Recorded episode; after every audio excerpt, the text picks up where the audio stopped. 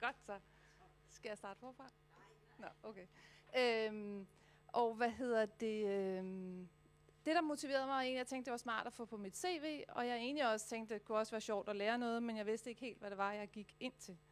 Øh, da jeg så kom i gang, så øh, fandt jeg lige pludselig ud af, at det var overhovedet ikke det, der motiverede mig mere. Det var lige præcis det, vi lærte, og det, vi øh, fik ud af det. Fordi det er meget praksisorienteret. Det er hele tiden at lære noget ny teori, og direkte kunne omsætte det til ens hverdag, og de problemstillinger, man står overfor, eller det system, man skal implementere, eller den forandring, man skal have i gang, eller noget. Så det, det har simpelthen været... Øh, det har udviklet mig rigtig meget fra at være en leder, som gjorde tingene på bedste beskub, øh, som jeg tænkte kunne være smart, eller det har andre gjort, til at være en meget bevidst handling omkring mange ting, øh, øh, fordi jeg havde noget teoretisk, jeg kunne bygge det op på.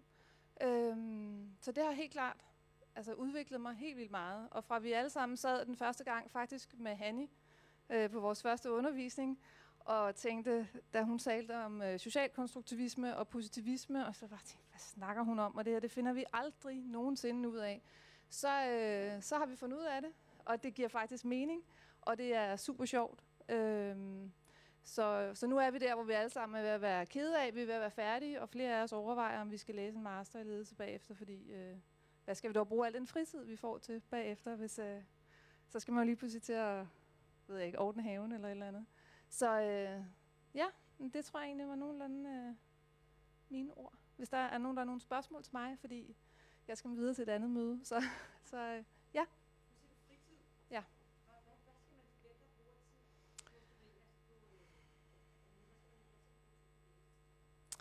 Altså jeg vil sige, nu, den måde, jeg har fuldt kurser på, har været lidt anderledes end den, det bliver udbudt nu. Jeg har haft nogle øh, internater, hvor det var en fredag og en lørdag.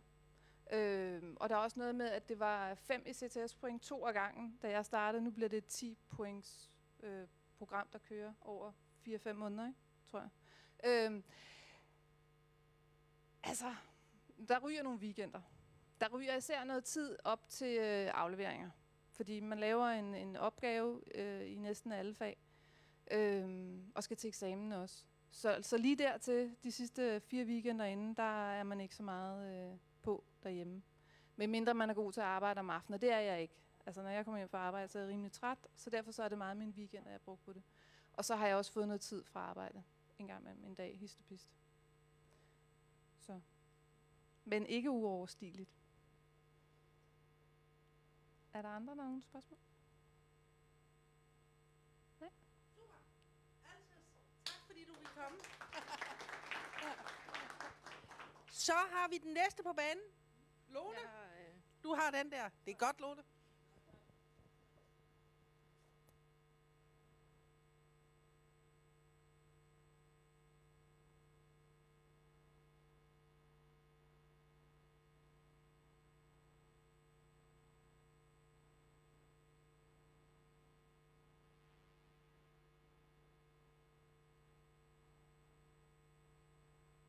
Sådan. Godt. Jamen, øh, mit navn er Lone Hermann, og som øh, Birgit sagde, så øh, er jeg til daglig uddannelseschef på IBA, Erhvervsakademiet i Kolding, hvor jeg arbejder med vores uddannelser, sådan bredt, alle de uddannelser, vi har inden for ledelse og HR. Vi er jo rigtig glade for at have lavet det her samarbejde med Ledernes Kompetencecenter og DTU om diplomuddannelsen i ledelse. Og øh, jeg har lovet lige at sige, bare lige sådan lidt kort omkring de sådan faktuelle ting øh, ved uddannelsen. Øh, og jeg vil egentlig starte med sådan lige lidt det, et af de steder, hvor, øh, hvor både Birgit og Mette også har startet at sige, at diplomuddannelsen er jo en kompetencegivende, øh, anerkendt uddannelse. Forstået på den måde, at det er en uddannelse på bachelorniveau. Den giver 60 ECTS-point, øh, svarer til et årsværk, øh, hvis nogen af jer regner i, i det.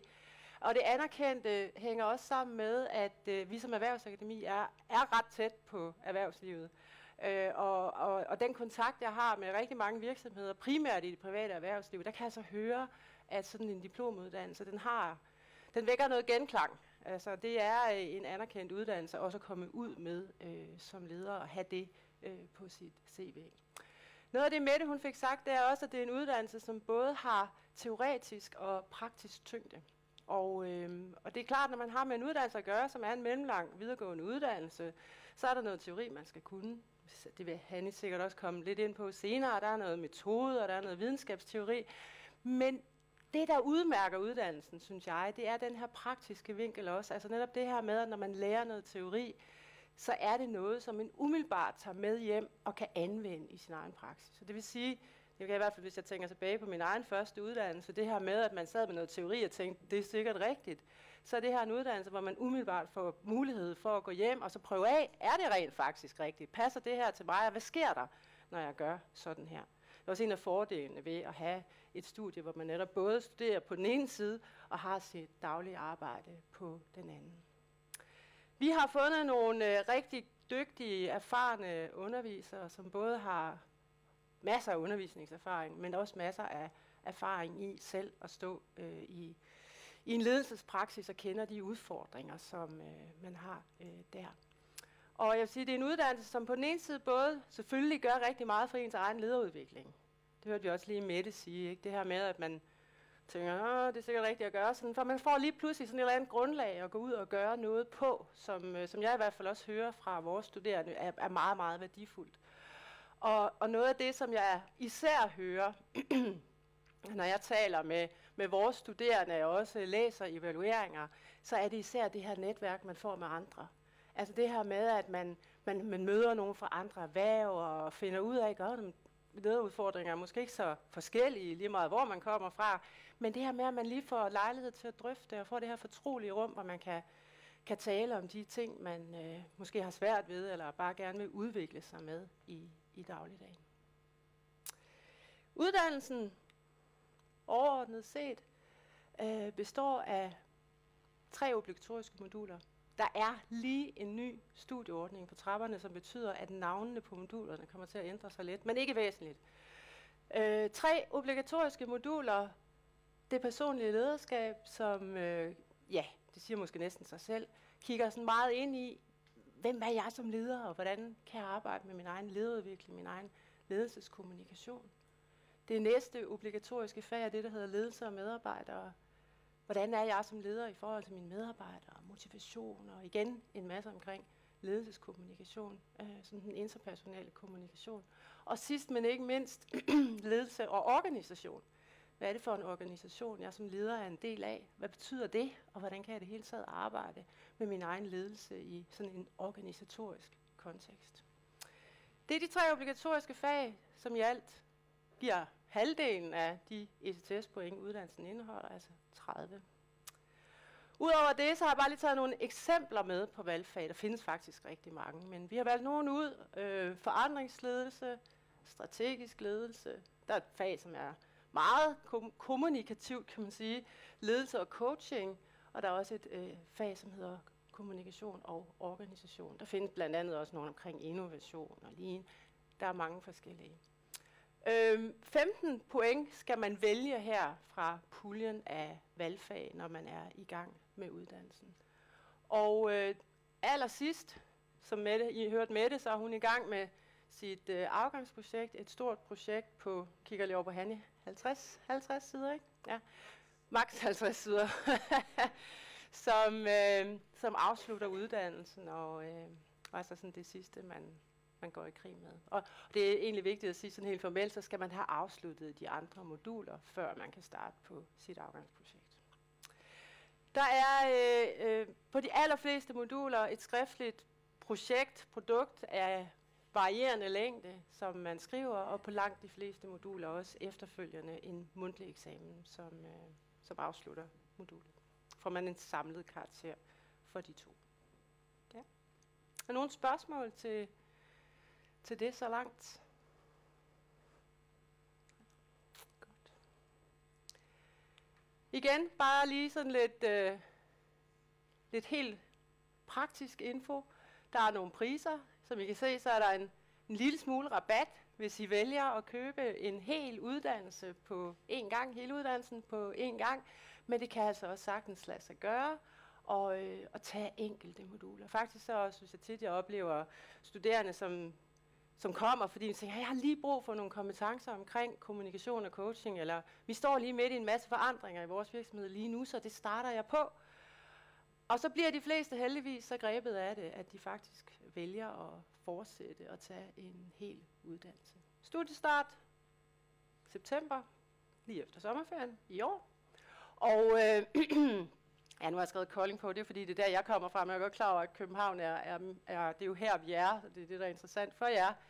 Øh, og sådan den planlægning, vi har lavet, der er, har vi normeret uddannelsen til at tage to år på, på deltid. Så det er, det er det, hvis man sådan følger planen, så det er det, som øh, uddannelsen tager. Ja. Altså man siger seks år som sådan en ramme. Ja, og hvis der så er noget, så kan man søge dispensation. Men seks år, det er sådan den ramme, man har til at tage den i. Ja. Ja.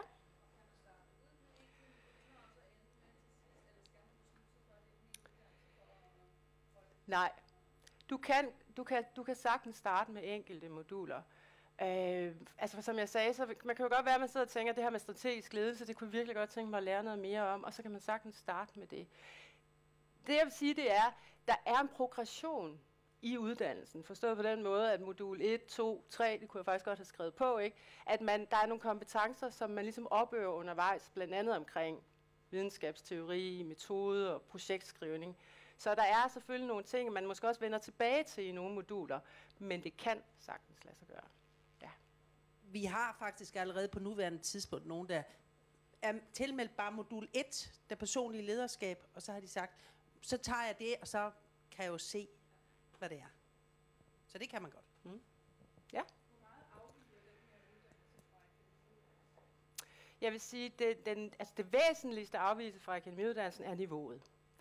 Og på akademiuddannelsen, hvis man sådan populært sagt, så siger man, at, at mængden af praksis er måske 60-40 i forhold til teori, og her er det vendt om.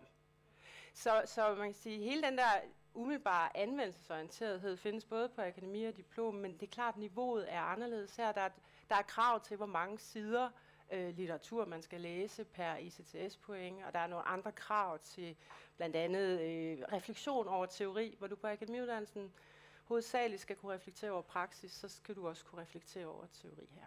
Ja. Ja.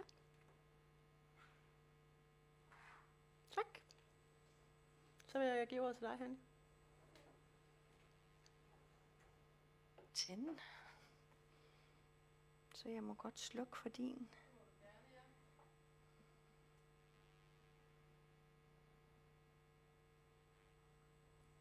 Og så skal jeg også have sådan en, øh,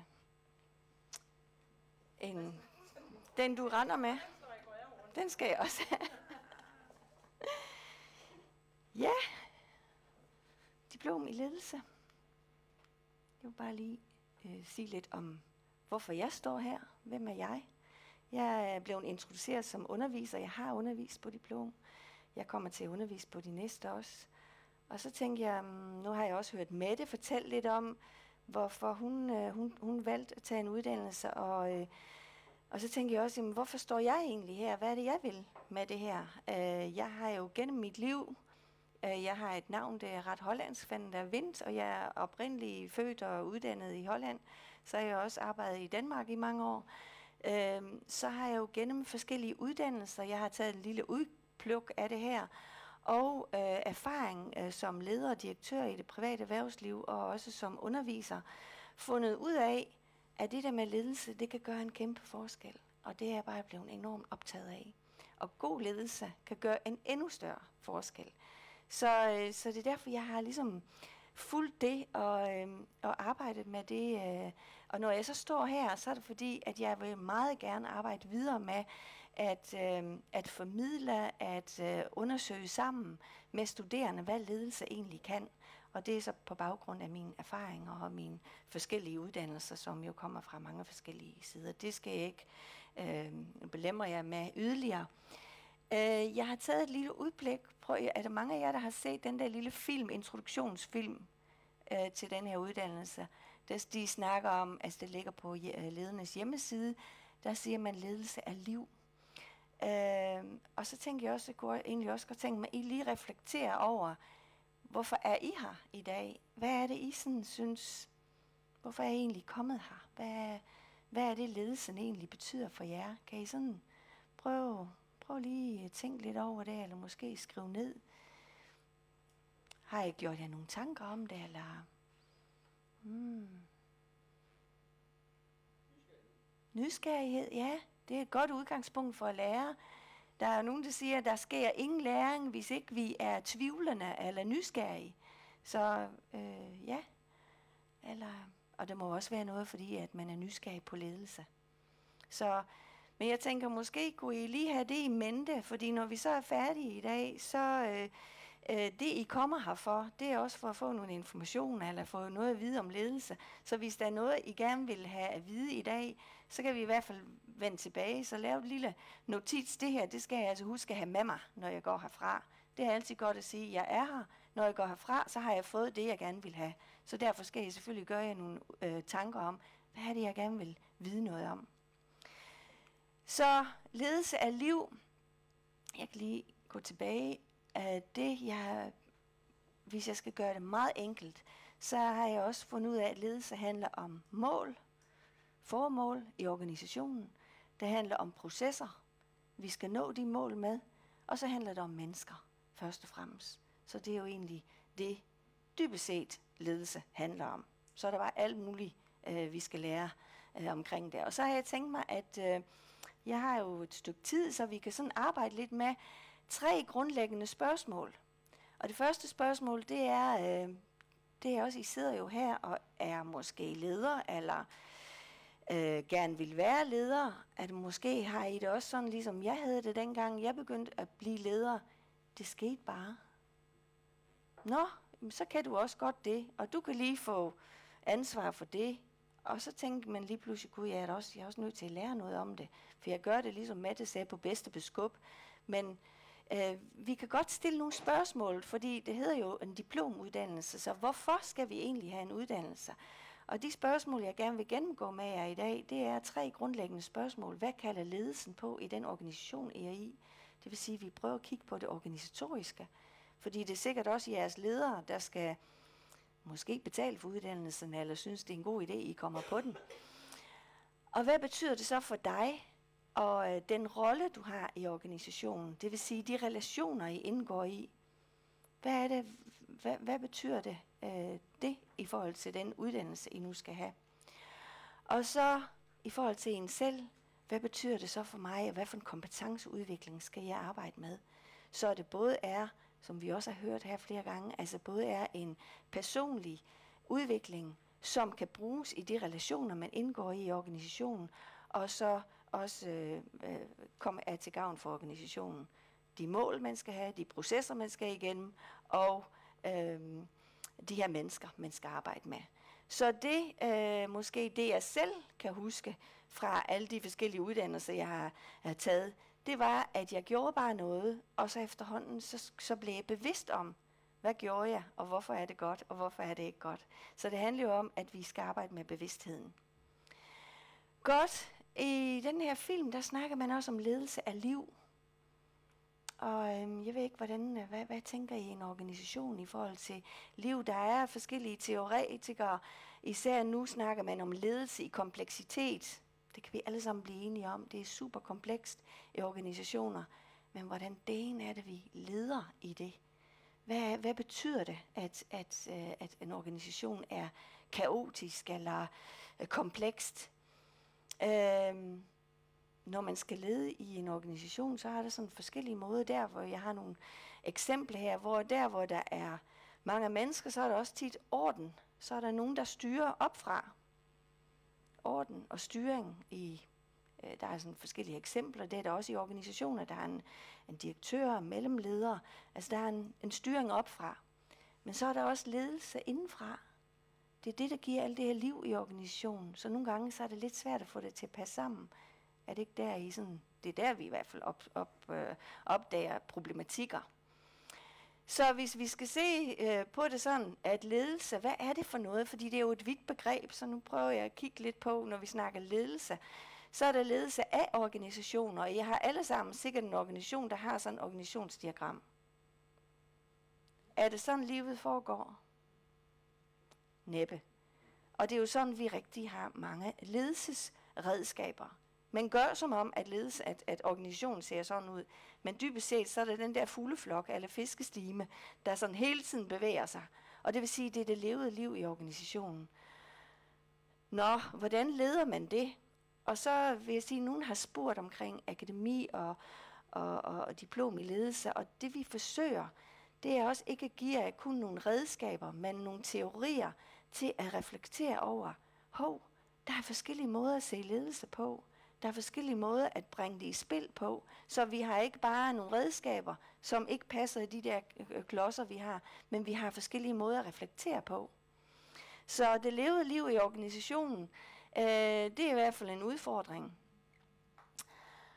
Og der tænker jeg, at øh, det første sådan lille teoretiske indslag, jeg vil øh, tage med her, øh, det er, der jo, øh, der er jo en, en øh, teoretiker, som øh, snakker rigtig meget om kompleksitet. Han siger, at det er det uforudsigelige, uforudsigelige, og det, forudsige, det uforudsigelige, forudsigelige. Men hvordan arbejder vi med det? Der er masser masse øh, ting i en organisation. Og jeg vil lige sige, I får alle slides, så hvis der er nogen, der har brug for, I får dem alle sammen tilsendt øh, så er det en, øh, faktisk en gammel øh, øh, teoretiker, øh, nogle gamle teoretikere, Quinn og Cameron, og jeg har også skrevet kilde på, hvis der er nogen, der synes, det kunne være interessant, så kan I tage kilden og finde bogen eller nogle artikler på det, så kan I gå hjem og slå op. Øh, som har sagt, jamen i organisationer, der er der altså brug for stabilitet og kontrol i hele det der kaos.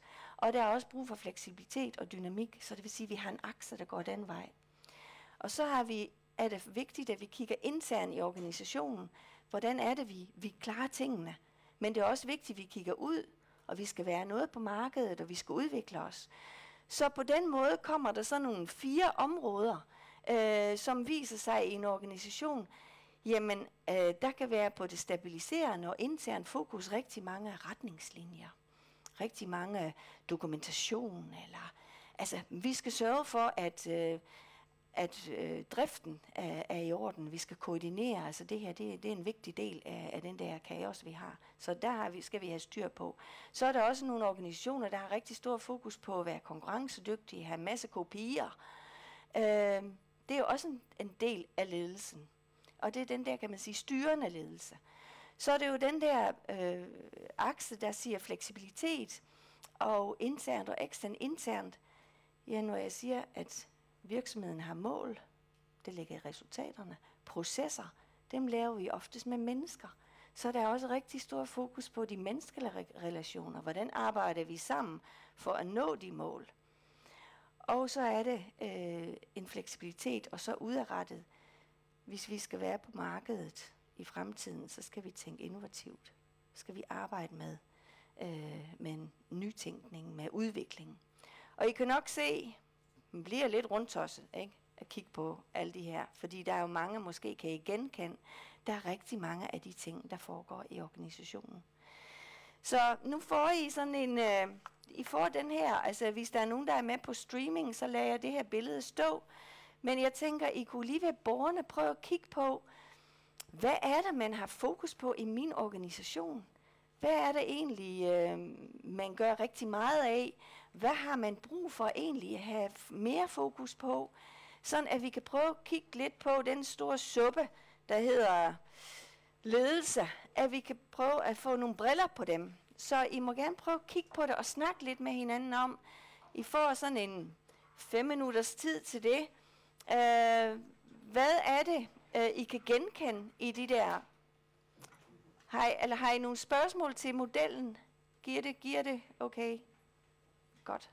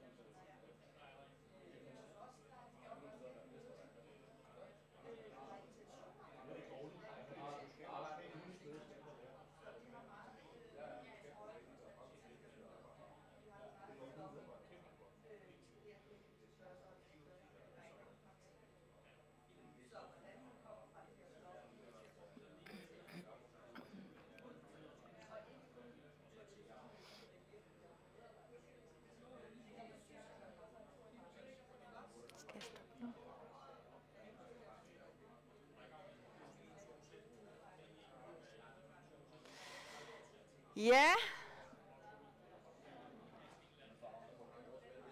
Kan vi få en... Øhm, jeg kan godt forstå det, når snakken går, så er det sådan lidt spændende. I får jo bare meget kort tid. Vi, skal, vi kan selvfølgelig arbejde med det her øh, rigtig meget i dybden, men, men øh, nu får I bare sådan... Altså, og, og jeg vil også sige, at de øh, teorier, vi... Altså, nu har jeg bare valgt et fokus, men altså, der kan være mange... fors- Det er ikke en sandhed. Altså, I kan have mange forskellige fokuser på den her organisation, jeg har. H- h- hvordan ser den ud? Hvad, er- hvad er udfordringen?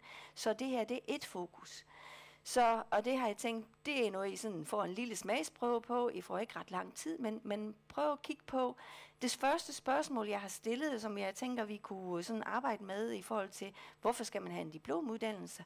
Der kunne man jo gå hjem og spørge sin virksomhed om, hvad er det, ledelsen kalder på? Så når I sådan har kigget på det her, hvad er det så, I tænker på i forhold til den her model? Hvad er det for nogle paradoxer, der er? Paradoxer, der er, vi skal både sørge for, at driften er i orden, og vi skal også være innovativ. Hov, hvordan er det lige? Og hvad snakker man om? Snakker man rigtig meget om, at øh, vi skal også det, og, altså, og hvad, hvad, hvad er der fokus for? Hvad for nogle fokuspunkter er der? Og hvad for nogle udfordringer ser I i organisationen? Ud fra den her model, kan jeg sådan få lidt en værmelding? Hvor, hvor er I henne? Hvor, hvad tænker I? Er der et bord her, der lige vil sige noget?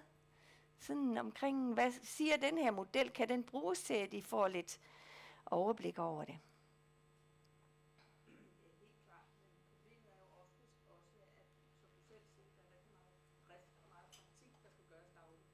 Så man kan have de meget gode intentioner om at løfte op i noget af det andet.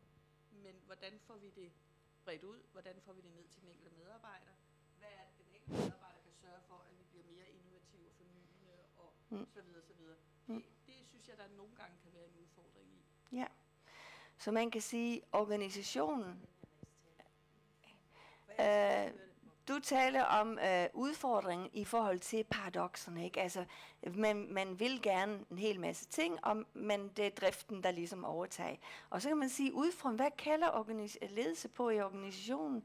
Det kalder jo på en, en, øh, et, et, et, nogle fokuspunkter.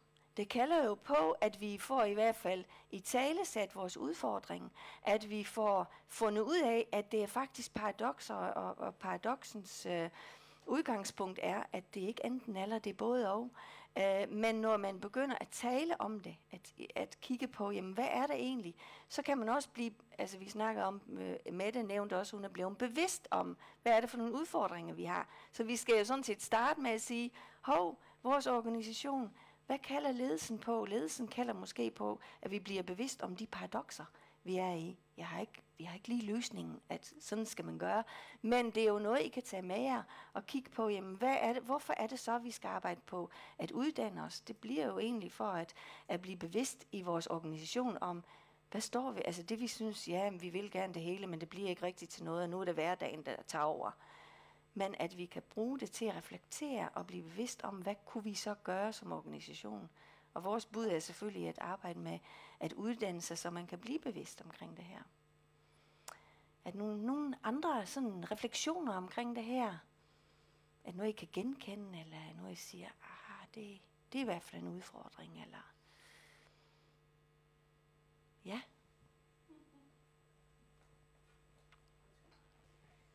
Altså, jeg synes i hvert fald, at som nu arbejder jeg som leder til daglig øh, og har noget personale under mig, og jeg synes, det kan være svært at få, få sorteret lidt i det, man som oppefra kommende bliver lagt over, måske at skulle få videreført til sine medarbejdere. Man kan få rigtig mange ting på samme tid eller inden for kort tid, man skal implementere, mm. øh, og måske være god til at lede sig selv i at lede dem og finde ud af, hvad er vigtigt, hvad er fokuspunktet, hvad kan jeg måske lige Mm. vente med at introducere, fordi det kan også blive meget for ens medarbejdere, hvis man har en virksomhed, man arbejder Ja. under, der skyder ud hele tiden. Ja. Altså nu har vi jo bare et fokus her, men man kan sige, at sådan en model kan jo også være et prioriteringsredskab. Øh, redskab. at sige, hvad, hvad er det for nogle retninger, vi skal, vi skal prioritere? For vi ved, at når vi kigger et sted, så er det noget, vi vender ryggen til, men det er vi jo nødt til at gøre i perioder. Så hvad skal jeg gøre lige nu, og hvad skal jeg gøre om en måned eller et år? Øhm, Så, og det er klart, det er jo problematikker, der er der, øh, og det er det, der egentlig sådan øh, er udgangspunktet her, det er, hvad kalder ledelsen på i organisationen? Det, det kalder jo på en opmærksomhed på netop de der ting.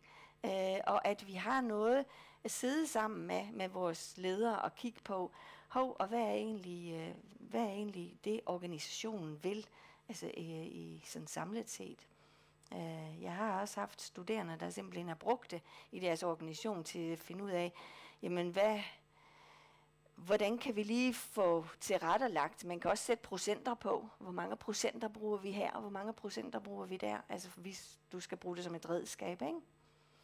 Så altså, øh, det er det første spørgsmål her omkring, hvad kalder organisationen på, og den har jeg simpelthen taget for, at I kan jo prøve at kigge på, hvordan kan I bidrage til de udfordringer, organisationen har. Hvad, hvad kan man så øh, gøre ved det? Godt. Nogle spørgsmål eller refleksioner eller bemærkninger til den del? Ja? Mm.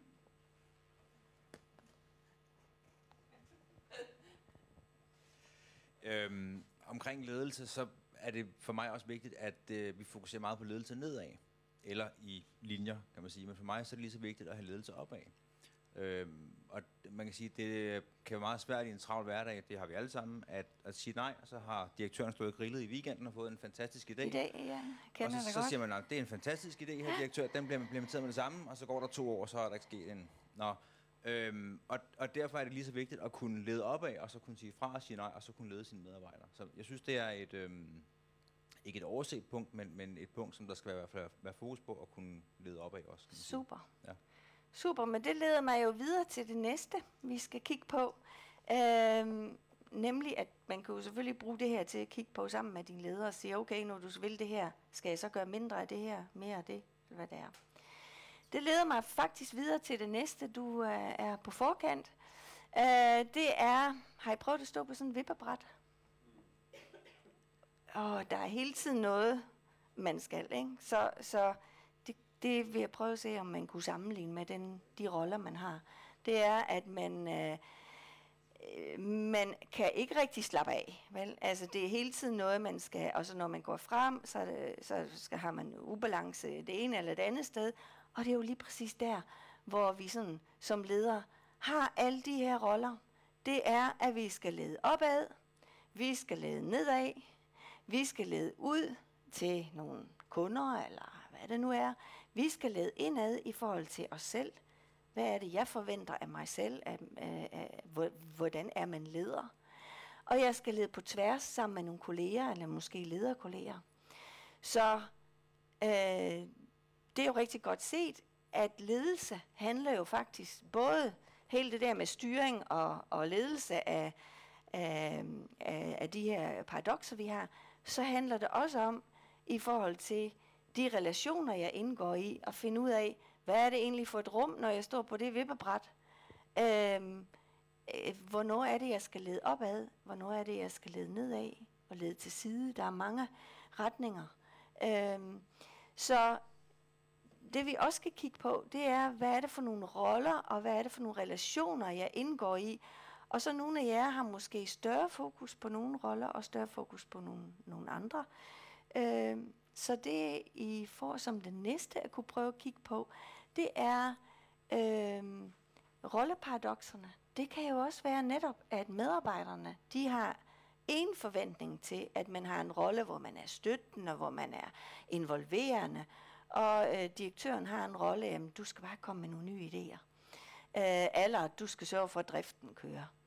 Så øh, det jeg tænker, ja, øh, vi skal lige have dem her delt ud det er i forhold til, øhm, hvordan er det, de her rolleparadoxer, de viser sig i forhold til øh, uh, de her forskellige relationer, I indgår i. Kan I, kan I prøve at kigge på, hvad for nogle roller har jeg? Og er der forskellige forventninger til mig, om det er ledelse op eller ned, eller øh, til side? Øh, og den, øh, det er den samme øh, grundmodel, som der har jeg så en kilde, det hedder Lotte Lyscher, øh, som har skrevet en, en øh, har, har arbejdet med den her øh, teori i øh, hos Lego, og der har hun så skrevet en bog om, hvor hun så har arbejdet med de her rolleparadoxer. Men det I sådan lige kan snakke om, det er, nu er der min rolle i organisationen. Ud fra, det det, den, det den samme model, for den bygger jo på, øh, på den første, det første billede, I har. Men er der i de forskellige relationer, jeg indgår i, er der forskellige krav om, hvad for en rolle jeg indtager? Og der, du var jo inde på det, medarbejderne forventer én ting, og, leder, og, og, og direktøren forventer måske noget andet. Så prøv at kigge på det vipperbræt, I står på. Hmm, hvordan ser det ud? Og hvad er det for nogle, øh, hvad er det for nogle roller, øh, man forventer, jeg indtager? Og hvad er det for nogle for, for, roller, jeg måske selv forventer, jeg skal indtage? Eller har jeg ikke afklaret det? Så prøv at snakke lidt om i grupperne, øh, hvad rolleparadoxet kunne, øh, kunne give jer af nogle indsigter i, hvor I står hen. Ja.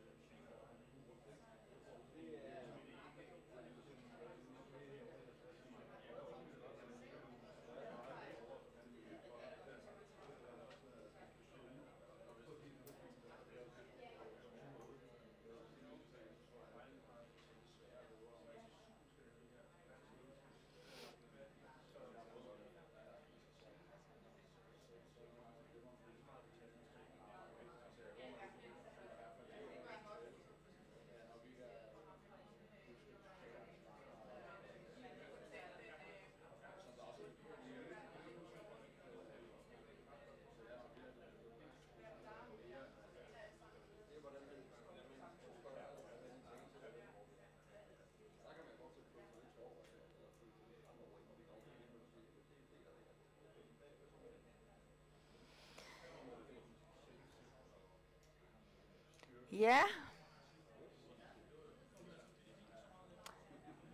Hvad for nogle overvejelser har I i forhold til det spørgsmål? Hvad betyder det for dig og din rolle? Hvad, er der nogen der? Ja. Vi vil gerne høre, hvad det er, du har at sige. Havde I nogle gode kommentarer her? Vi må slet ikke stoppe det var måske noget helt andet, vi snakkede om. Det er ikke nogen, der vil sige noget? Helst ikke. Okay. Er der nogen andre, der har? Hvad betyder det? det? Ja, der er noget her. Vi talte om, at det, er jo, altså, det, det afhænger af situationen. Så man kan ikke sige, overfor min leder skal jeg være involverende, eller hvad det nu ellers skal være. Det er jo meget situationsbestemt, de roller, man indtager. Og det er måske meget godt at have kan man sige, et billede på, hvilke typer roller kan man indtage, og så bruge det mere aktivt, i stedet for at have en default motor, man bare kører afsted med altid. Så når du siger, at det er, øh, altså det er jo situationsbestemt, så er det, så er der også nogle forventninger, øh, nogen har til en, som man ikke altid kan vide måske heller sige, altså, hvordan er det, min leder eller mine medarbejdere forventer, at jeg agerer over for dem? Øh, og det kan jo være meget forskelligt. Det kan også være forskellige medarbejdere. Nogle har brug for, at man gør det ene, nogle har brug for, at man gør det andet. Der er måske nogle af jer, der arbejder med situationsbestemt ledelse. Eller, men, øh, så så det, det kan være, at jeg lige kan prøve at komme ind på, altså i øh, sådan et uddannelsesforløb, der har vi, øh, der arbejder vi også rigtig meget med empiri. Og empiri, det er bare et, et akademisk ord for at skabe viden om organisationen. Det vil sige, øh, det I sådan sidder med nu, det er måske, jamen, hvordan er det, jeg ser det? Men det spørgsmål, I altid kan stille, det er, er det noget, jeg ved? Er det noget, jeg antager? Og så er det der empiriindsamling, eller det der med at skabe viden i organisationen, det kan jo være, at jeg så kunne sige, jeg prøver lige at tage for eksempel sådan en, og prøve at finde ud af, hvad er det egentlig for nogle roller, øh, mine medarbejdere, eller mine ledere, eller mine kolleger, øh, synes jeg indtager, og hvad synes de, det er vigtigt. Det kan godt være, at de siger, at du er rigtig meget involverende, men vi synes faktisk, det er mere vigtigt, du er udfordrende. Øh, så øh, det, er jo, det er jo rigtig fint. Altså det, øh, som jeg også startede med at sige, det er jo ikke en, en sandhed, men det er, jo, det er jo nogle forskellige vinkler, vi prøver at bruge til at få nogen til at reflektere. Nå, hvordan ser det egentlig ud hos mig? Og hvordan prøver at stille det spørgsmål, er det noget, jeg ved? Er det noget, jeg antager? Og så kan vi indsamle empiri. Det er jo det, vi gør i hele uddannelsen. Det er hele tiden at gå ud i organisationen og sige, hvad ved jeg egentlig? Fordi jeg tror også, vi har, inklusive mig selv, har rigtig mange forestillinger om, hvordan tingene ser ud. Men det interessante er så, når vi begynder at rent faktisk øh, at gå i gang med at undersøge det. Jeg har et eksempel fra en, en, en øh, studerende, der skulle i gang med at undersøge sin kommunikation, og så sagde hun, at jeg optager simpelthen sådan en morgenmøde, fordi jeg synes ikke rigtig medarbejderne, de, de kommer med noget. De, har ikke, øh, de, de, de kommer ikke med noget input. Og så har hun spurgt øh, deres, hendes medarbejder om, øh, er det okay, jeg optager vores morgenmøde, for jeg vil gerne sådan høre, hvad der sker. Ja, ja, det må du gerne, for vi får alligevel aldrig et ord indført. Godt. så havde hun lige fundet, altså det var en øjenåbner. Hun sagde, jeg har ikke engang optaget noget. Bare det, at jeg spurgte, det var simpelthen bare en kæmpe øjenåbner. Så øhm, det er jo, altså når du siger, det, det kan være meget situationsbestemt, det er jo også, altså det her, det er jo refleksions øh, Øh, redskaber også til, at vi, vi, vi, vi kan bruge det til at sige, at her har vi ikke nogen modeller, der har nogle sandheder, men vi kan bruge det til at undersøge, hov, hvordan ser det egentlig ud. Så hvad er det for nogle forventninger? Hvad betyder det for mig? Altså, de er, det ledelsen kalder på i organisationen. Hvad betyder det for mig og min rolle? Og kunne jeg gå hjem og prøve at undersøge? I skal selvfølgelig tage alt det her med, og der er igen kilder på, så øh, hvad betyder det egentlig for, for de forskellige relationer, jeg indgår i? Altså, det kan også være forskellige medarbejdere eller ledere. Det kan godt være, at lederen har en bestemt forestilling om, hvad jeg skal. Det kan være min med øh, lederkolleger har en anden forestilling om, øh, hvad jeg skal gøre, øh, og hvad er min forestilling om, hvordan skal jeg være en god leder? Er det ham, jeg, der skal styre eller ham, der skal lede nedfra. Øh, eller hende øh, så hvad er, det, hvad er det egentlig for nogle forventninger? Det kunne jeg jo selvfølgelig bruge det her til at undersøge med. Ja, er der nogle andre refleksioner i forhold til det her? At noget, det siger jeg noget, at jeg tænker, I, det, det, sådan er det ikke hos os. Jeg godt genkende noget. Okay, så det ikke er helt, det er, det er ikke helt tomt, sådan det jeg snakker til. Det er sådan, I kan godt genkende det her. Godt. Jamen, jeg vil gerne høre lidt, fordi det er lidt ligesom medarbejderne, der ikke siger noget, så kan jeg sige, om så har de forstået det. Men sådan er det jo ikke altid, så jeg skal sådan lige høre, jamen, er I med, eller har I nogle spørgsmål til det, eller tænker I, at det her, det, det er for nemt, eller for langhåret, eller whatever. Så kom med det. Øh, det næste, jeg lige vil kigge på, nu, nu, nu har vi jo bevæget os ud fra organisationen til relationerne, de roller, vi har. Og så skal vi begynde at kigge på os selv. Det er jo det mest interessante. Der er jo også, det er jo, det er jo øh, en, en diplomleder øh, uddannelse er jo også en, en personlig udvikling. Men det er jo ikke kun, det er jo i forhold til den organisation. Så det, jeg har sådan taget med her, det er, øh, vi snakker om liv i organisationer, det vil sige, det handler om mennesker. Og der er rigtig meget, vi gør, som vi bare ikke aner, vi gør. Der er sådan nogle crowdforsker, og de har fundet ud af, at vi, har, vi går faktisk, når vi går alle sammen, så selvom vi går over en fodgængerovergang, så går vi et mønster. Det er vi bare ikke klar over. Vi tror, jeg bestemmer, hvor jeg går. Det gør vi bare ikke, fordi at der er en, der finder et hul, og så går de det igennem, og de andre følger efter. Så der har han sådan ligesom, og der er en masse eksempler på, hvordan vi faktisk, og derfor har jeg skrevet mønstre i organisationen, at vi er, vi har nogle mønstre, som vi ubevidst gør nogle ting. Ubevidst, så handler vi på forskellige måder, og så har vi skabt nogle mønstre, og det er det der med liv i organisationen. Det er altså super svært, fordi hvordan kan vi, vi kan ikke styre det her, men vi kan igen arbejde med at blive bevidst om det. Hov, hvad er det for nogle, hvad er det for nogle mønstre, der, der foregår her? Hvad er det egentlig for nogle samarbejdsformer? At jeg lige kan tage på det her, vi i øh, de akademiske opgaver skal kalde meta, perspektiv eller metareflektion, der skal jeg lige løfte mig lidt op og sige, hov, hvad foregår der egentlig? Nu kan jeg godt se, at der er nogle mønstre, så jeg kan blive klogere på det. Men også i forhold til en selv.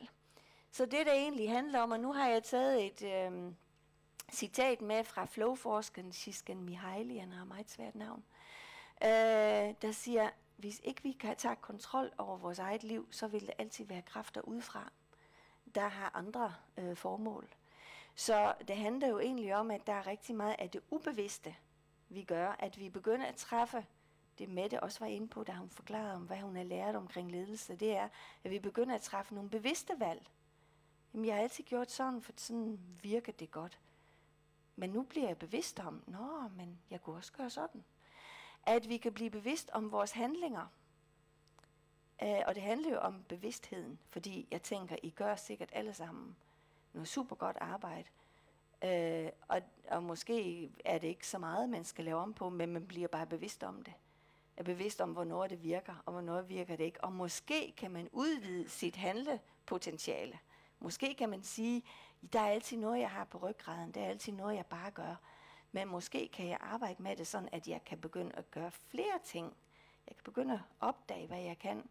Og så bruge hele sit potentiale i den organisation, jeg nu er i. Så her har I en... Øh, ja, jeg kan lige prøve at... Øh, det næste, det sidste paradoks, vi skal arbejde med, det er i forhold til os selv. Det er at prøve at tænke på, hvad hvad er en rigtig positiv egenskab ved jer? Hver især. Der er et eller andet, jeg er rigtig god til. Øh, så prøv to. Er der så nogle situationer, er det noget med, at den kan pege? Jo, er der nogle situationer her, hvor jeg har en faldgruppe i forhold til det, hvornår virker det ikke? Det er jeg rigtig god til. Nogle gange så virker det ikke. Så er det fordi, jeg måske skulle gøre det modsatte af det, jeg plejer at gøre. Men det gør jeg ikke, fordi jeg har frygt for at blive for meget af noget.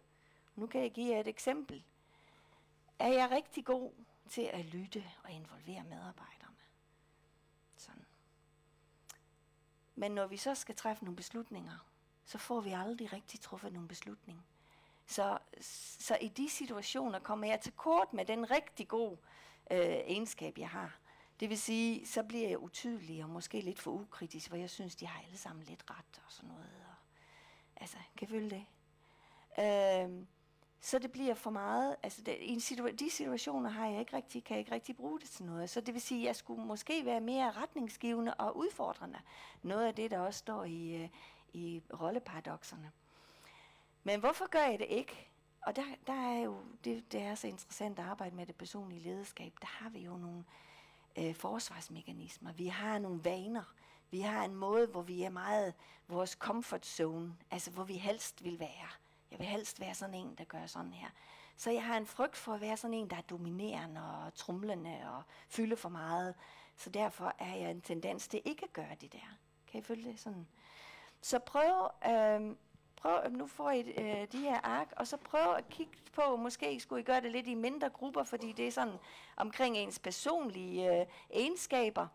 Øh, hvordan er det, det ser I egentlig? Hvad er det for en, for en øh, positiv egenskab, jeg har? Hvornår bliver det for meget? Øh, hvad kunne jeg også gøre? Og hvad er jeg angst for egentlig at, øh, at falde i? Øh, ja, jeg tror.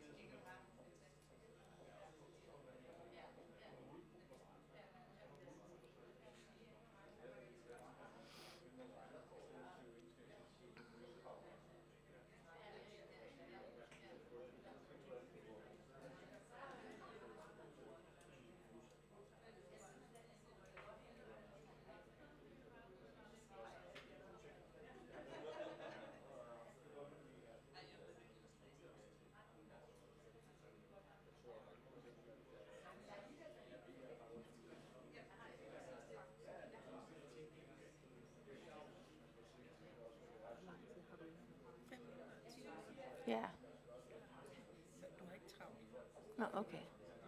Okay. Så det er jo kun spørgsmål. Okay, Nå, men det er fint. Jamen, jeg tager det lige sådan.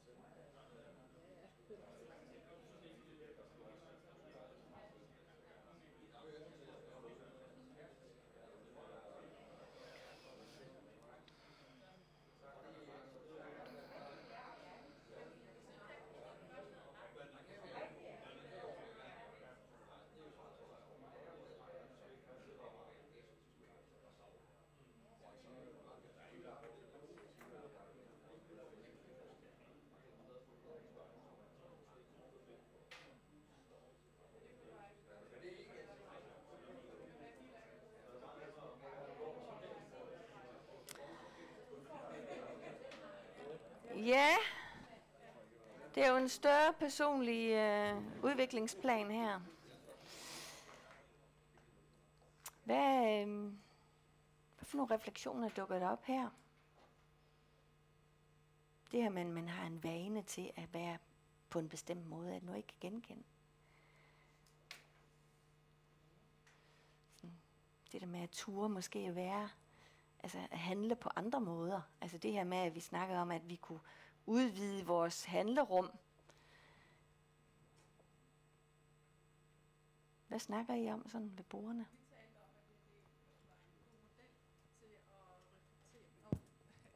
Ja, vi talte om, at det var her er en god model til at, at reflektere over ens øh, væremåde, øh, handlemønstre og hvad vi, hvad vi ellers har. Mm. Det kan sådan give en, en bevidsthed, åbne, ja, åbne bevidsthed. Ja. Ja. Det, det er også det, der er ment til. øh, og så det, der også er rigtig interessant, og det vi ikke kommer ind på nu, men når vi sådan arbejder med det personlige lederskab, så kigger vi jo også rigtig meget på følelsesmæssig intelligens. Øh, øh, personlige barriere, øh, hvad er det for noget? Fordi det der, det, øh, det område, hvor der står frygt, det er det, der er mest interessant. Hvorfor gør vi det ikke? Hvorfor er vi... Og så måske også, som du var inde på, altså forskellige situationer. Der er også i forskellige relationer, så er vi, så er vi tilbøjelige til at være, altså at handle på en måde, og altså øh, som i forhold til ens direktør, eller i forhold til medarbejderne, og i forhold til lederkolleger, kan vi også have en vane, øh, mønster i at, at handle på en bestemt måde. Så altså det refleksion i sådan en uddannelsesforløb også skal handle om, det er at kigge på mig selv og kigge på hele det spekter, jeg har at arbejde i og med, øh, og, og så øh, især, jamen, hvad, hvad siger det om mig? Altså, hvordan kan jeg udvikle mig i forskellige situationer? Fordi det bliver faktisk, øh, øh, ja, det er egentlig meget interessant at se, at det, man tror altid, det er de andre, man skal lave om. Altså hvis de bare, hvis kunderne bare var sådan, eller medarbejderne og sådan. Øhm, og, og nu har jeg så øh, gået i tre år og arbejdet med bæredygtig ledelse sådan på egen krop. Og jeg havde det også sådan. Og så efterhånden så fandt jeg ud af, men og det, var, det er egentlig meget sjovt øh, at opleve, at, at jo mere jeg blev bevidst om, hvad det var, jeg ville tilbage til det her, hvis ikke man selv tager ansvar for sit eget liv, og, og jo mere synes jeg, at responsen fra omverdenen blev, Nå, men Hanni, du kunne også gøre sådan, eller så tænkte, Nå, hvor kom det lige fra, hvorfor er de sådan? Men, men I kan, nogle gange, så kan I måske også, det er ikke telepati, altså det, det er sådan, altså jeg kan, når jeg begynder at tænke noget, så begynder jeg også lige så stille at handle på en anden måde. Og så får man feedback fra verden omkring sig, der også understøtter det. Så det er jo interessant er, når vi begynder at arbejde med os selv, så er det ikke, øh, så er det ikke kun fordi det sker inde i os, det sker også i den måde, vi så øh, er, interagerer med verden øh, på. Fordi, og jeg kan også huske way back, hvor jeg tog nogle af de første ledelsesuddannelser, jeg kom på arbejde igen, så siger min leder, jamen, jeg vil have den gamle Hanni tilbage. Så, jamen, det kan du ikke få. For jeg har ligesom fået alle de indsigter, så lige pludselig så kunne man være mere kritisk, og man kunne være mere visionær, eller man kunne være... Altså, man fik bare noget med sig, som omverdenen jo så selvfølgelig sker der også noget i organisationen, når man arbejder med sig selv, eller i ens privatliv, eller hele vejen der, alle de steder, hvor man er. Øhm, så, øh, så det, er jo, det er jo den øh, del af uddannelsen, der også er interessant. Så når vi kigger på, øh, på, på det her, så kan man sige, jamen, hvad er det, jeg og organisationen skal udvikle? Hvad er det for en kompetenceudvikling, vi egentlig skal have? Hvad kunne være interessant at, at udvikle øh, kompetencemæssigt, både for mig selv, i forhold til de roller, jeg har, i forhold til det, organisationen har brug for, Øh, og det er derfor også, jeg tænker, det er vigtigt, at I kobler det. Jeg siger, det er jo ikke kun min uddannelse, det er rigtig meget det, der sker med jer, men også det, I så kan bidrage med i den organisation, I er en del af. For det er jo, det, jeg tror, lederne har også haft nogle undersøgelser, hvor det viser sig, at faktisk det giver noget, noget på bundlinjen, at man har medarbejdere, der også har uddannet sig. Man er bare bedre til at, at se sammenhængen af at, at bidrage med noget. Og der sker jo altid en forskel, selvom øh, det måske er lidt nu, når I tager hjem med de her ting, så vil I jo allerede have en lille smule, når kan vide, hvordan det egentlig ser ud hos os. Øh, eller når jeg nu gør det her næste gang, at I får nogle refleksioner. Nogle, re- nogle refleksioner fra jer nu. Øh, ja.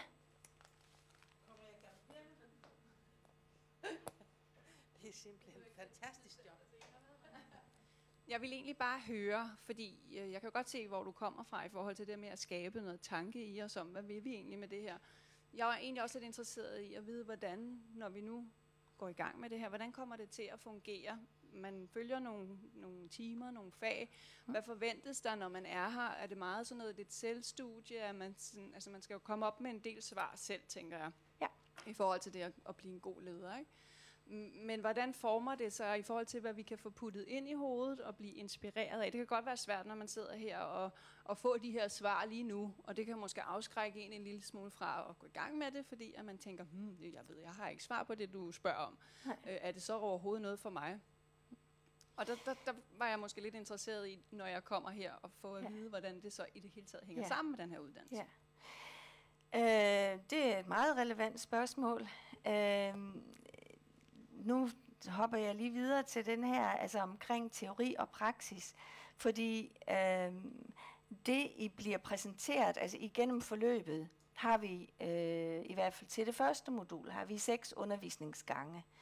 Øh, inden da kan det være, at vi lægger nogle små klip ud i forhold til noget teori. I får noget materiale, I skal læse igennem. For eksempel i forhold til det her har I måske læst noget om paradoksledelse.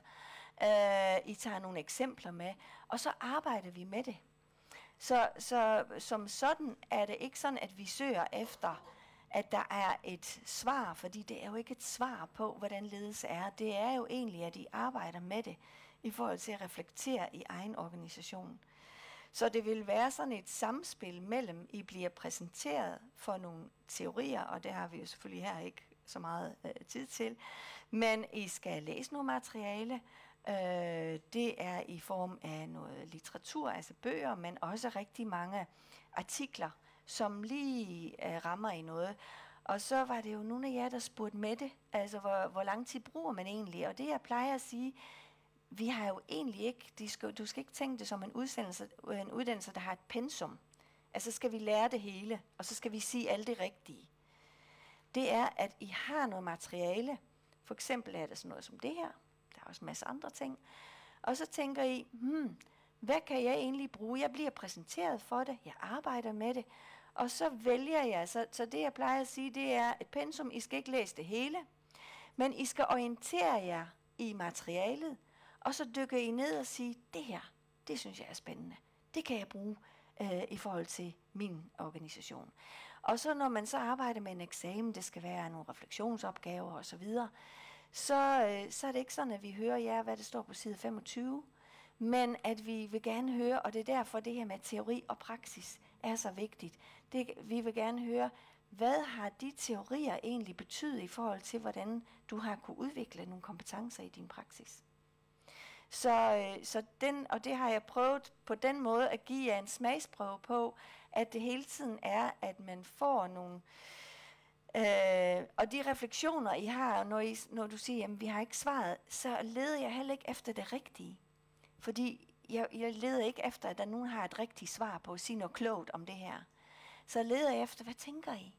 Hvad er det for nogle refleksioner, I har? Og det er det, I også, når vi har snakket om, at det er også et netværk, så bruger I også hinanden til at sige, Nå, er det sådan, du ser det? Nå, det kunne man også.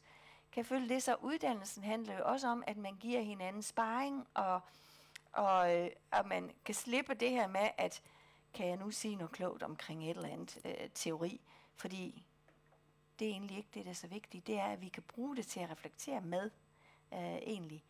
Øh, og det, øh, det er i hvert fald det, jeg synes, at det giver rigtig meget. Altså det har jeg jo arbejdet med i mit eget arbejdsliv, og det arbejder jeg med med de studerende, jeg har. Og øh, når Mette sådan har fortalt, hvordan hun synes, det var rigtig svært til at starte med. Der var mange begreber, der dukker op. Men at man så også, øh, og det er jeg også blevet mere opmærksom på, at der er altså stadigvæk nogen, der kommer på uddannelsen og tænker, der er et pensum, det skal jeg lære. At det er måske mere, jamen orienterer jeg i det. Og så sammen i de undervisningsgange, vi har, øh, der arbejder vi med det. Og øh, vi søger ikke efter de rigtige svar, vi søger efter, at I får nogle rigtig gode, og du var også inde på det, Lona, nogle refleksionsniveauer. Vi får noget refleksion i forhold til, hvordan kan jeg blive en bedre leder. Så det her med, man kan godt føle sig lidt lost i en organisation og tænke, åh, hvad er det rigtige at gøre? Og det er da også det, der er svært ved ledelse. Der er ikke noget, der er det rigtige. Der er altid noget, der kan være anderledes. Det er godt med det postmoderne. Tingene kan altid være anderledes. Vi kan altid vælge noget andet. Så når vi arbejder med teori og praksis, så er det, så er det teori er ikke virkelighed, men teori er en abstraktion, som vi bruger til at forstå vores praksis på. Øh, og derfor skal I ikke sige de rigtige, de rigtige begreber i teorien, men I skal prøve at bruge dem til at forstå praksis. Det er, teori er jo bare en abstraktion. Det er jo ikke virkeligheden. Øhm, så ja, jeg ved ikke, om det har, er, er svar på det, du sådan spurgte om. Ja. Lige sådan kort. Man kan sige, det er bygget op på den måde, at de her 10 ECTS-points fag, vi har som grundmoduler, det er 3 gange 2 dage, fordelt over cirka 3 måneder. Så man er afsted cirka to dage om måneden på kursus fra 9 til 16. Og så vil det være noget arbejde indimellem, og nogle, nogle webinarer og noget, noget, man skal læse. ja. Men sådan er det praktisk bygget op.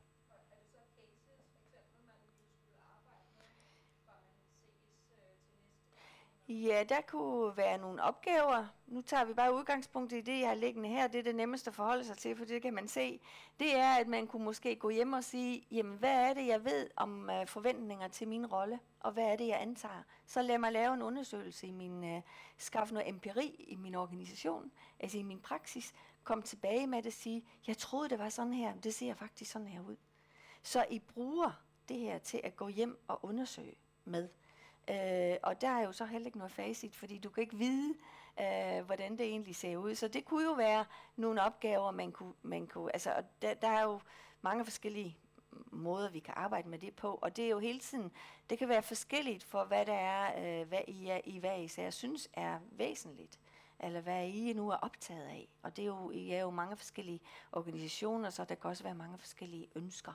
Så der vil være mellem de gange, vi har, så vil det være noget, man kunne, for eksempel ligesom den studerende, jeg sagde, at øh, vi arbejder også med kommunikation, at man lige optager et møde, og så prøver man at lytte til, Nå, hvad skete der lige der, og så har vi haft noget omkring kommunikationsteorier, og så bruger man den til at forstå, hmm, var det sådan? Uh, nå, det var så, altså det der med, at vi hele tiden bruger det til at få indsigter i praksis. Ja. Godt andre spørgsmål, så, så har jeg nemlig lige sådan, hvad skal vi lære øh, på den her diplom i ledelse? Og Luna har været inde på, at der er tre grundmoduler.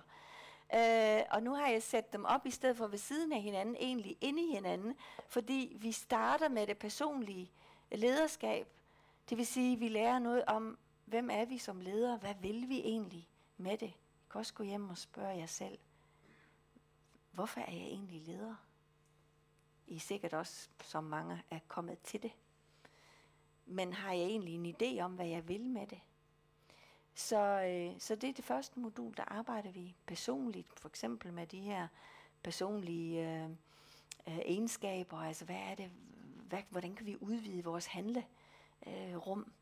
øh, så det er, det er det modul, vi starter med til efteråret. Og så øh, er det ledelse, samarbejde og faglig udvikling. Det er, der tager vi sådan og siger, nu prøver jeg at kigge på mig selv. Det næste, det er, at der kigger jeg på interaktioner med alle de forskellige relationer, jeg indgår i med medarbejderne. Så hvordan kan jeg arbejde med motivation og alt sådan nogle ting i forhold til medarbejderne? Der flytter vi det lidt væk fra os selv. Og så den sidste, det er organisationen. Hvordan er organisationen egentlig organiseret?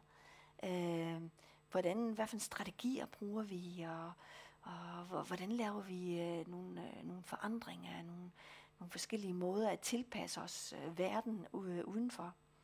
Så, så de tre grundmoduler, de er jo egentlig bygget op sådan, at vi som ledere gennemgår hele vejen, er gennemgående hele vejen igennem, fordi når jeg står i, i det tredje modul, organisationsstrategi og styring, så tager jeg også mig selv med, fordi så har jeg egentlig lært en del om, hvorfor er jeg her egentlig, hvad vil jeg med det, og hvordan ser det ud i den organisation, jeg er en del af.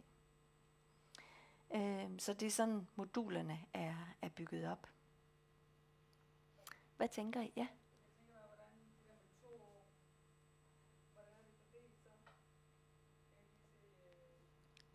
Du har først de her, de her tre, Tre grundmoduler. grundmoduler. Det er 30 ECTS-point. Det er, halvand, det, er, øh, det er fordelt over godt et år. Halvandet år. Det er bygget op sådan, at i efterårssemesteret, der er det nogle gange, at man kun kan nå et modul, ja. men i forsemesteret ligger altid to moduler. Det er sådan, alt efter hvordan heldigt det er, sådan noget, det så tager det sådan cirka et år om de tre, første tre moduler. Ja, godt et år. Med den, med den øh, kadence, vi har lagt ind. Så vores kommer til at tage lidt mere end to år. Men, ja, lige præcis. Ja. Ja, altså til at starte med øh, vil jeg være der, og så vil, det jo, vil I møde forskellige undervisere godt blive lidt træt af at høre den samme, ikke? Altså, øh, så, men men, øh, men jeg, vil, øh, jeg vil i hvert fald være tovholder på hele forløbet, og jeg starter også på, på det første modul til efteråret. Øh, men øh, vi sørger jo hele tiden for, at vi får, øh, vi får øh, noget input.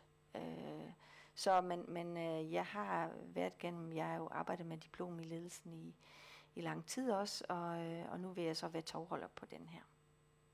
Ja. Ja. Andre overvejelser? Ja. Øhm, er der noget omkring, når vi når hen til ledelse i organisationen, er der noget omkring ledelse inden for Matrix-organisationen? Og alle de forskellige organisationsformer, vi kan forestille os, de dukker jo op. Øh, det er, altså der kigger vi på, hvordan kan vi organisere os. Det kan også, øh, det, det, der er sådan Mindsbergs øh, forskellige måder at tænke på. Og, øh, altså organisation og styring, og så måske mere organisering. Hvordan kan vi organisere os, og, og nu ved jeg ikke præcis, hvordan vi vil gøre det. I den her sammenhæng vil vi jo nogle gange arbejde med scenarier. Hvordan kunne man forestille sig, at organisationen kunne, kunne organisere sig på nye måder?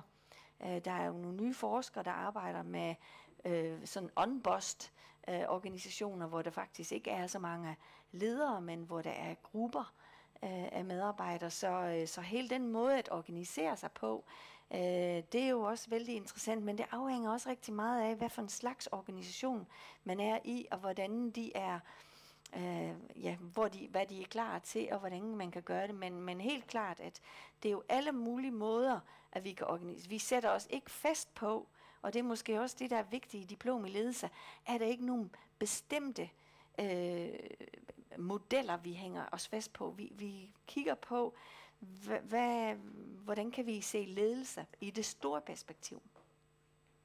Ja, men øh, godt at tænke på det også, ja. Andre sådan, hvad sidder I med? Sådan overvejelser. Ja.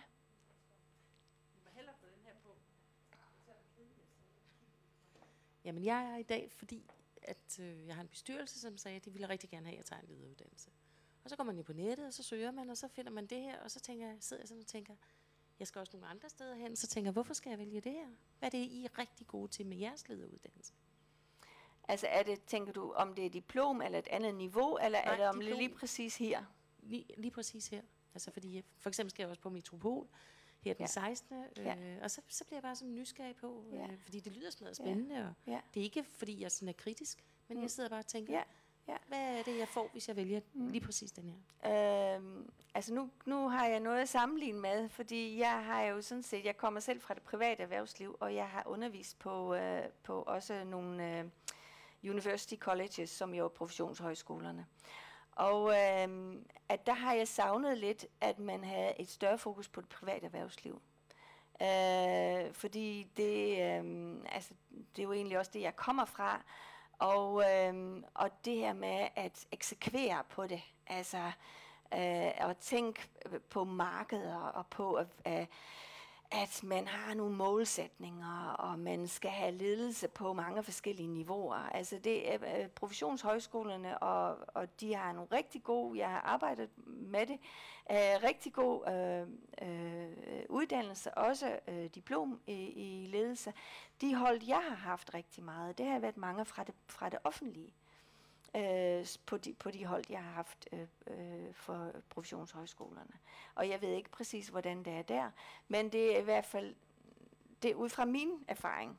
Altså det er det, er det, jeg tænker, og det er det, jeg også synes er interessant, det er, at vi kan fagne øh, måske også øh, lidt bredere, end at det kun er offentlige ledere.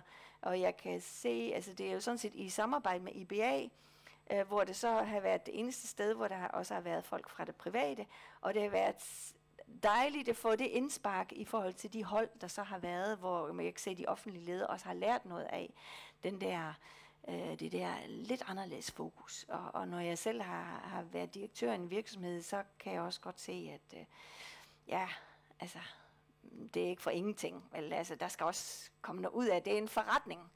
Øh, så øh, uden at, øh, fordi jeg tænker også, at, at når jeg arbejder med, med ledelse, så er det jo mål, formål, eller, så er det processer, og så er det mennesker. Men vi skal ikke, vi skal ikke sige, at det er mennesker, der er en organisation. Jo, det er det. Men, men de er der også af en grund. Og det, det er det, jeg synes også er rigtig vigtigt. Det er, hvorfor er vi der? Hvad er det, vi vil med den her organisation? Så det fokus vil det jo selvfølgelig være på den her uddannelse. Ja. Jo, men altså man kan sige, der er der har været rigtig mange fra det offentlige i, øh, på diplom i ledelse på øh, professionshøjskolerne. Men, men, men altså, man kan sige, øh, offentlige ledere har jo rigtig meget brug for ledelse. Øh, og øh, også ledelse, hvor, hvor, hvor, man har været, hvor man har tænkt offentlige institutioner mere også som forretninger. Altså det har været nyt for, for mange offentlige ledere, at øh, nu har man også øh, øh, kan man sige, konkurrence andre steder. Øh, at det, det ikke er bare sådan en, okay, her kan vi sådan lige gøre det, vi nu synes er godt. Så, så jeg vil ikke sige, at det kan ikke bruges, hvis man, øh, hvis man er... Der er bare der er bare en større åbenhed for, for det private erhvervsliv, også i den her sammenhæng. Og jeg tænker i hvert fald, de hold, jeg har haft der hos IBA, øh, hvor der har været blandet øh, offentlige og, og private, der har man også kunne lære rigtig meget af hinanden. Så, øh, Man kan sige, de hold, vi har, de hold, vi har haft indtil nu, der har, der har det været, øh, jeg vil tro, t- øh, to, lidt over halvdelen, to tredjedel har nok været fra det private, og en tredjedel fra det offentlige. Og hvis man går ud på en øh, metropol, så er det nok omvendt. ja. Det er jo, ja. Øhm, og og det, er jo, det er jo klart, at det hænger jo også lidt sammen med, at de mennesker, der er i vores organisation, er ofte folk, der kommer fra det private, og det er også derfor, man tit måske vil kigge den her vej, hvis man vil have en diplomlederuddannelse. Og, og der er jo en stor meget større tradition inden for det offentlige på at tage diplomlederuddannelser, og det har, øh, det, det har øh, metropolerne en længere øh, erfaring med, end vi har. Der har ikke været så mange fra det private, der har taget diplomlederuddannelse, før inden for de sidste 5-6 år er det Mm. begyndt at, at øh, eksplodere. Ja, for vi har for eksempel haft nogen fra forskellige øh, NGO'er eller organisationer, øh, som jo også synes, at det er jo interessant med en diplom i ledelse. Så, så jeg ved ikke, altså, er du fra et offentligt... Ja, ja. Ja. Ja.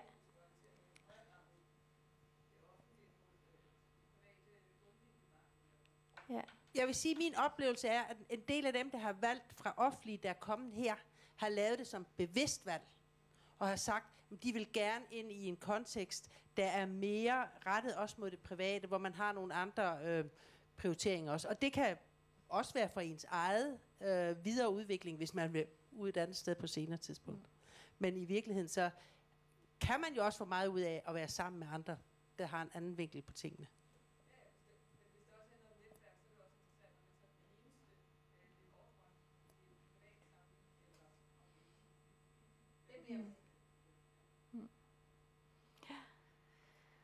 Ja, og så man kan sige, at øh, det er jo en, en øh, som Lone var inde på, en anerkendt uddannelse. Det vil sige, det er jo diplom i ledelse, og diplom i ledelse er altså jo ligesom gældende alle vegne. Altså det er jo, øh, det, det er jo ikke på den måde en forskel. Altså det hedder jo diplom i ledelse.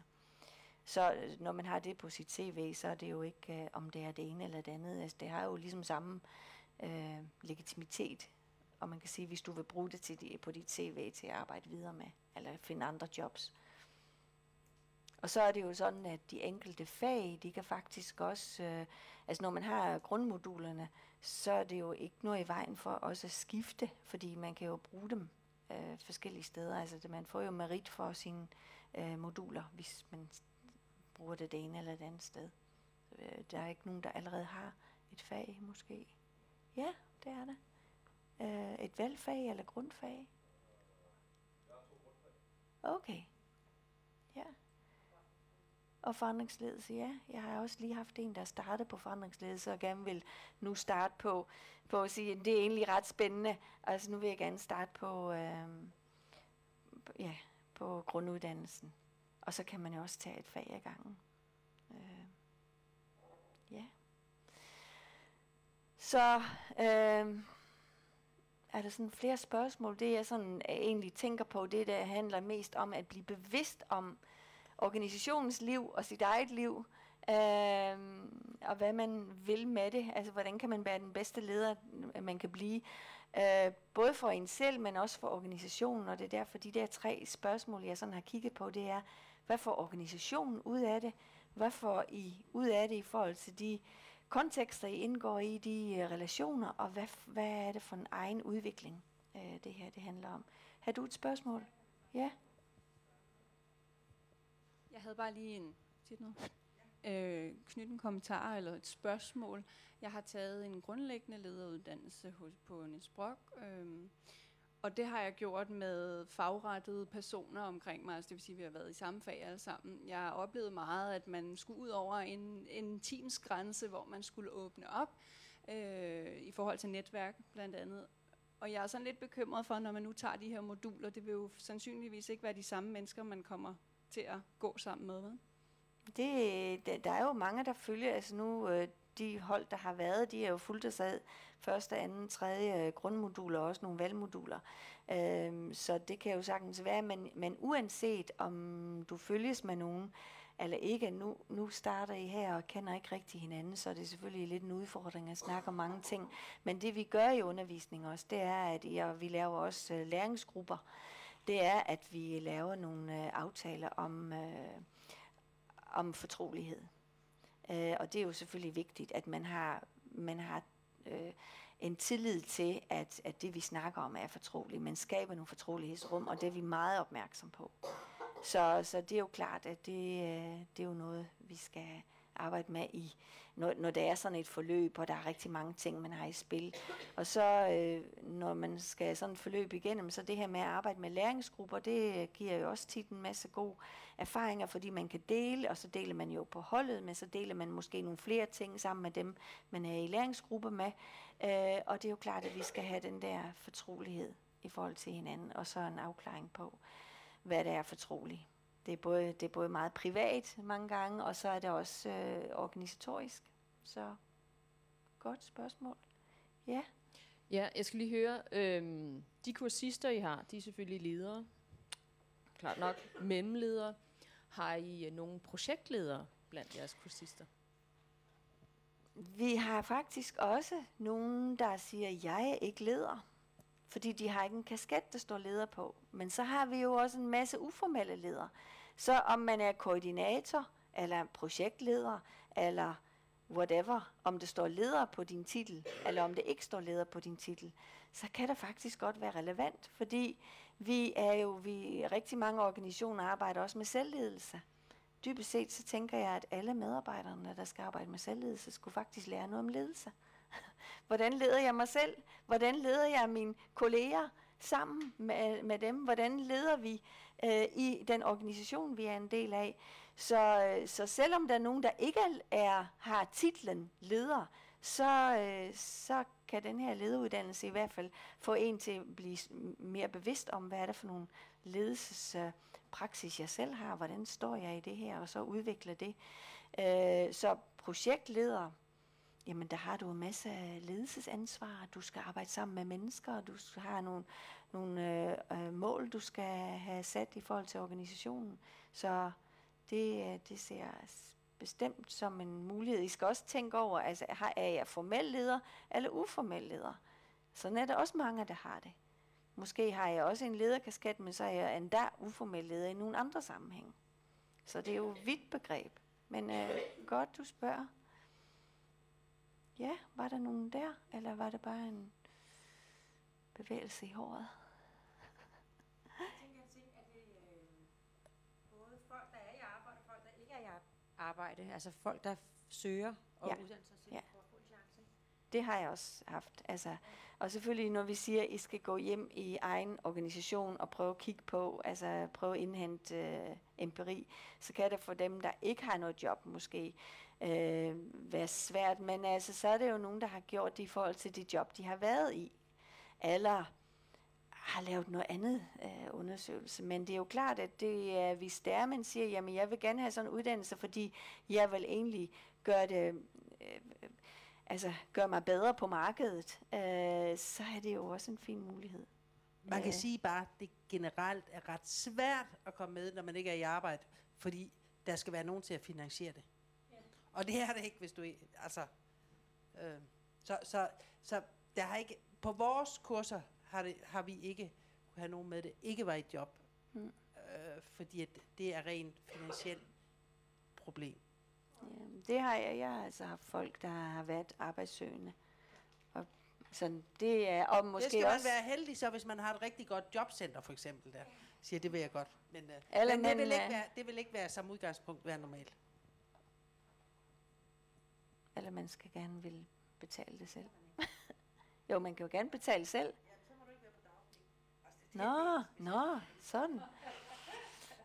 Okay. Nå, men det er sådan nogle tekniske spørgsmål. Men for os er der ikke noget problem. Godt, ja. Helt, øh, helt lavpraktisk, er det øh, møde ind her, de her to dage om, var der måneden, eller hvad det var? Altså det foregår on-site, det er ikke, øh, det er ikke online, man kan følge med og gøre det, eller hvordan? Det, vi har de seks dage, ikke? Og så, Altså, de seks dage, de er fysisk her. Øh, og så vil det ud over det være noget online, noget virtuelt, øh, hvor man kan logge på og se. Men som udgangspunkt er de seks dage her, fordi det er jo også at skabe det der rum og det der netværk, det er svært at gøre øh, virtuelt. Jamen jeg tror, øh, nu var der en, der var, eller pigen, der var oppe og, og var kursist og talte, og hun sagde jo, at hun havde, øh, jeg tror det var en fredag og en lørdag, eller, altså hvordan ligger de dage, fordi det er jo ikke os alle sammen, der får dagene hos firmaerne, øh, formentlig. Eller, Det ved jeg ikke, om jeg gør, men er det weekender, hverdage? Ja, det er rigtigt.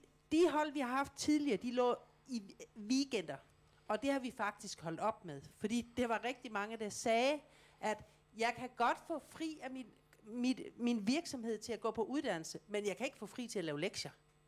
Og hvis jeg så skal være på kursus i weekenderne, hmm, hvornår skal jeg så i virkeligheden lave tingene? Så de fleste virksomheder, der vil gå ind og investere i, at man får en lederuddannelse, vil også godt investere i, at man får to dage om måneden til at gå på kursus. Det er vores erfaring, og derfor har vi faktisk lavet det om. Så det er hverdag? Det er hverdag. Mm. Men det er så heller ikke hver uge. Det er så, Nej, to øh, dage om måneden. Ja. Ja. ja. Datorerne, datorerne ligger inde på hjemmesiden. Der kan I se, hvilke datoer, der er sat af til undervisning. Så længe der er pladser. ja, men der er plads endnu.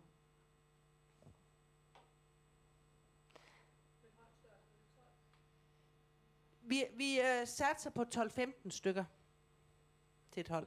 Fordi det, det er også vigtigt. Man kan godt lave sådan nogle små eksklusive hold. Rent faktisk er det en dårlig idé. Fordi det giver ikke, det er også vigtigt, at man har en holdstørrelse, hvor der er en dynamik, hvor man kan finde nogle legekammerater, der kan udfordre en. Øh, og det får man ikke, hvis man sidder på et hold med 7-8 stykker på. Så vi skal op og være en 12-15 stykker på sådan et hold. Ja, hvad sidder I tilbage med? Øh, for, da jeg startede, sagde, hvorfor er I kommet? Er det, er I, har I fået noget af det, I er kommet for? Eller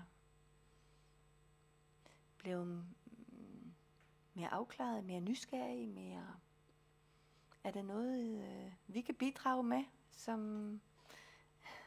Du har stillet nogle gode spørgsmål, som vi kan gå videre med, synes jeg. Tak. Øhm, jeg tænker også, at øh, det handler jo også for jer, tænker jeg, om, at, at det også er vigtigt for organisationen, altså at de kan bruge det både selv og jeres, øh, jeres ledere, at det sådan er relevant faktisk på den måde, ikke? Og jeg lægger alle slides nu ud, så kan I da starte med at lave en lille undersøgelse derhjemme og sige, hvad, hvad kalder ledelsen på hos os, og hvad er det, vi skal i gang med? Jamen, så vil jeg sige tak, hvis ikke der er flere, og så kan du... Øh, Ja. Tak for jeres medvirken og diskussioner. Så Birgit, du kan Ja. overtage. Jeg vil også rigtig gerne sige tak også til dig, Hanni, og til Lone, og specielt til alle jer, der har haft lyst til at komme her og høre om diplomblæderuddannelsen. Det behøver jo ikke at være færdigt nu. I har fået øh, brochuren med her, og telefonen er altid åben, hvis I får nogle spørgsmål, noget yderligere, I kommer til at tænke på derhjemme i forhold til at skulle træffe den her beslutning, er det her noget for jer. Øh, så jeg håber da rigtig meget, at vi ser nogle af jer på uddannelsen, nu her, når vi starter til september, eller på et senere tidspunkt. Det har i hvert fald været rigtig hyggeligt at have jer øh, på besøg i dag. Øhm, så, og I kan også tage fat i os bagefter her, hvis I har yderligere spørgsmål, I gerne vil stille, uden det Ja. bliver sådan i plenum. Ja. Så er vi også til rådighed. Øhm, men ellers vil jeg bare sige tak for i dag, og tak fordi I kom.